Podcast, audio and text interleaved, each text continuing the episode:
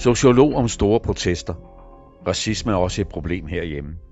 Den seneste uge har tusindvis af danskere været på gaden i en række byer for at protestere mod racisme og fremmedad. Årsagen til, at demonstrationer kan trække så mange mennesker er, at der også er problemer med racisme herhjemme, vurderer sociolog. De store demonstrationer rundt om i Danmark i den seneste uge har kun kunnet samle tusindvis af mennesker, fordi budskaberne mod racisme ikke kun gælder USA. De gælder også aktuelt herhjemme. Det vurderer sociolog og forfatter René Kappenshoff. Citat, når en sag om politivold og racisme i USA kan vække så massiv genklang i Danmark, så er det fordi racisme også er et problem herhjemme, siger René Kappenshoff til arbejderen. Han deltog selv i demonstrationen i København i søndags. Citat. Det var den største antiracistiske demonstration, jeg nogensinde har set herhjemme. Derfor er det en god idé at stille spørgsmålet, hvad ligger bag protesterne herhjemme, siger René Kappenshoff til arbejderen. Tusindvis af danskere har den seneste uge været på gaden flere steder i landet. Størst var demonstrationen i København, der i søndag samlede over øh, 15.000 mennesker. Demonstrationen var indkaldt af Black Lives Matter-bevægelsen. Demonstrationen kommer efter afroamerikaneren George Floyd blev dræbt under en anholdelse i Minneapolis den 25. maj. Her maste en betjent sit knæ mod hans hals i mere end 8 minutter, hvorefter George Floyd mistede bevidstheden og døde. Demonstrationen var indkaldt for at tage afstand fra politimord og racisme, ikke bare i USA, men overalt i verden, også i Danmark. Citat. Der var ikke kommet så mange til demonstrationer herhjemme, hvis det kun var USA, den var gal med øh, racisme. Herhjemme bliver medborgere med anden etnisk baggrund kaldt aber og overfaldet. De bliver chikaneret på gaden, i bussen, i medierne og på arbejdsmarkedet, men også i det officielle Danmark, her blandt myndighederne og Folketinget. Demonstrationerne var en slags forløsning for flere års opsparet frustrationer over racisme i Danmark, vurderer René Kappenthoff. Han kalder ghettoloven for et klokkeklart eksempel på diskrimination fra myndighedernes side. Citat. Det er et klokkeklart eksempel på forskelsbehandling, at politikere og myndigheder smider beboere i de almene boliger ud og sælger eller jævner folks hjem med jorden på baggrund af beboernes etniske baggrund. Man gør beboernes etniske baggrund til et problem i sig selv. Han advarede om, at racismen på flere måder er en alvorlig trussel for menneskeheden. Citat. Jeg er bekymret over den racisme, der vinder frem i den vestlige del af verden. Der er stor frustration blandt den brede befolkning over den galopperende økonomiske ulighed og klimakrisen. Der er grupper, der forsøger at skabe modsætninger og puser til den racistiske ild og forsøger at gøre flygtninge, indvandrere og minoriteter til søndebukke for verdens elendighed, fortæller René Karpenthoff. Han uddyber. Det var forbløffende at se tusindvis af mennesker, især unge, sige fra over for racisme. Det var en helt ny generation på gaden. Demonstrationen var en protest mod racismen i USA, men også i vores eget samfund, og for at vise sympati og tage afstand fra mordet på den afroamerikanske George Floyd. Men der var også en glæde og gejst over at gøre noget. Folk var mobiliseret af oprøret. Nu vil de ikke finde sig i mere. Nu skal tingene laves om. Både Politiforbundet og Dansk Folkeparti Søren Espersen har været hurtige til at afvise, at racisme er et problem herhjemme. Claus Oxfeldt, formand for Politiforbundet, bebudede i sidste uge over for Danmarks Radio, at der ikke er racisme i dansk politi, og talte om, at politiet ikke lader sig styre af racistiske fordomme, men bruger en sjette sans, når de skal vurdere, hvem der opfører sig mistænkeligt. Den udmelding undrer sociolog René Kappenthoff. Citat, det passer jo ikke med de oplevelser, som mennesker med anden etnisk baggrund har rundt om i landet, forklarer han.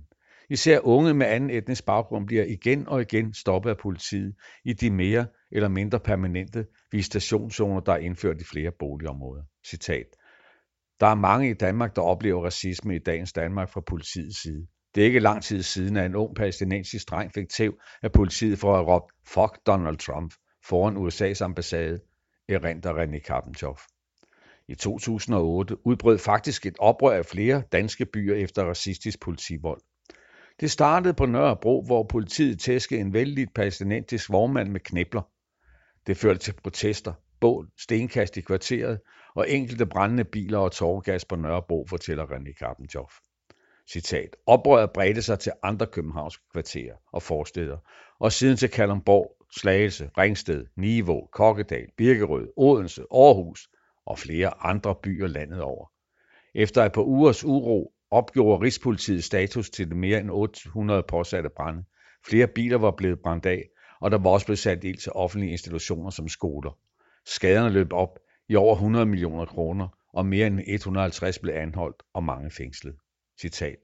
Talsmænd for de vrede indvandrerunge i epicentret på Nørrebro angav politichikane, især i forbindelse med politiets nu nye visitationszoner, som den væsentligste årsag, men også en generelt nedladende og ydmygende omtale af muslimer for politikere og medier blev nævnt af forskellige aktører, fortæller René Karpenjoff.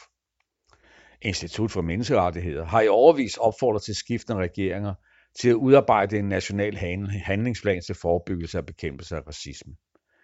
I den seneste årsrapport for 2020 skriver Institut for Menneskerettigheder blandt andet. Ifølge det nationale integrationsbarometer oplever omkring halvdelen af etniske minoriteter diskrimination. Undersøgelser fra EU's menneskerettighedsagentur viser, at mange danske jøder og muslimer føler sig udsat for negative holdninger og diskrimination. Og Rigspolitiets registrering af hadforbrydelser viser, at antisemitisme og had mod muslimer er et vedvarende problem i Danmark. Institut for Menneskerettigheder opfordrer derfor regeringen til at udarbejde en national handlingsplan til forebyggelse og bekæmpelse af racisme og hadforbrydelser på grund af etnicitet og religion. I 2017 udgav Institut for Menneskerettigheder en omfattende 50 sider lang rapport om afrodanskers oplevelse af diskrimination i Danmark.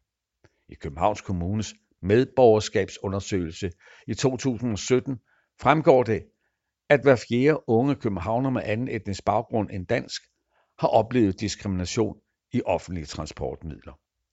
Racistisk vold er heller ikke noget, der kun foregår i USA.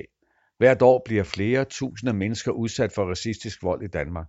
Det fremgår af Justitsministeriets såkaldte offerundersøgelse for 2019, der er udarbejdet af Rigspolitiet, Københavns Universitet og de kriminalpræventive råd. 8% af voldsofferne oplever, at volden mod dem helt sikkert var motiveret af racisme. Det svarer til, at op mod 5.400 mennesker imellem 16 og 74 år bliver udsat for racistisk motiveret vold i Danmark. Nogenlunde samme andel, 7%, angiver, volden mod dem måske har været motiveret af racisme. Flere demonstrationer. I sidste uge gik demonstrerende danskere mod racisme i København, Aarhus, Aalborg, Odense, Viborg, Næstved og Klitmøller. Demonstrationer mod racisme fortsætter. Tirsdag er der demonstration i Aalborg, onsdag er der demonstration i Odense. Du har lyttet til en artikel fra Arbejderen.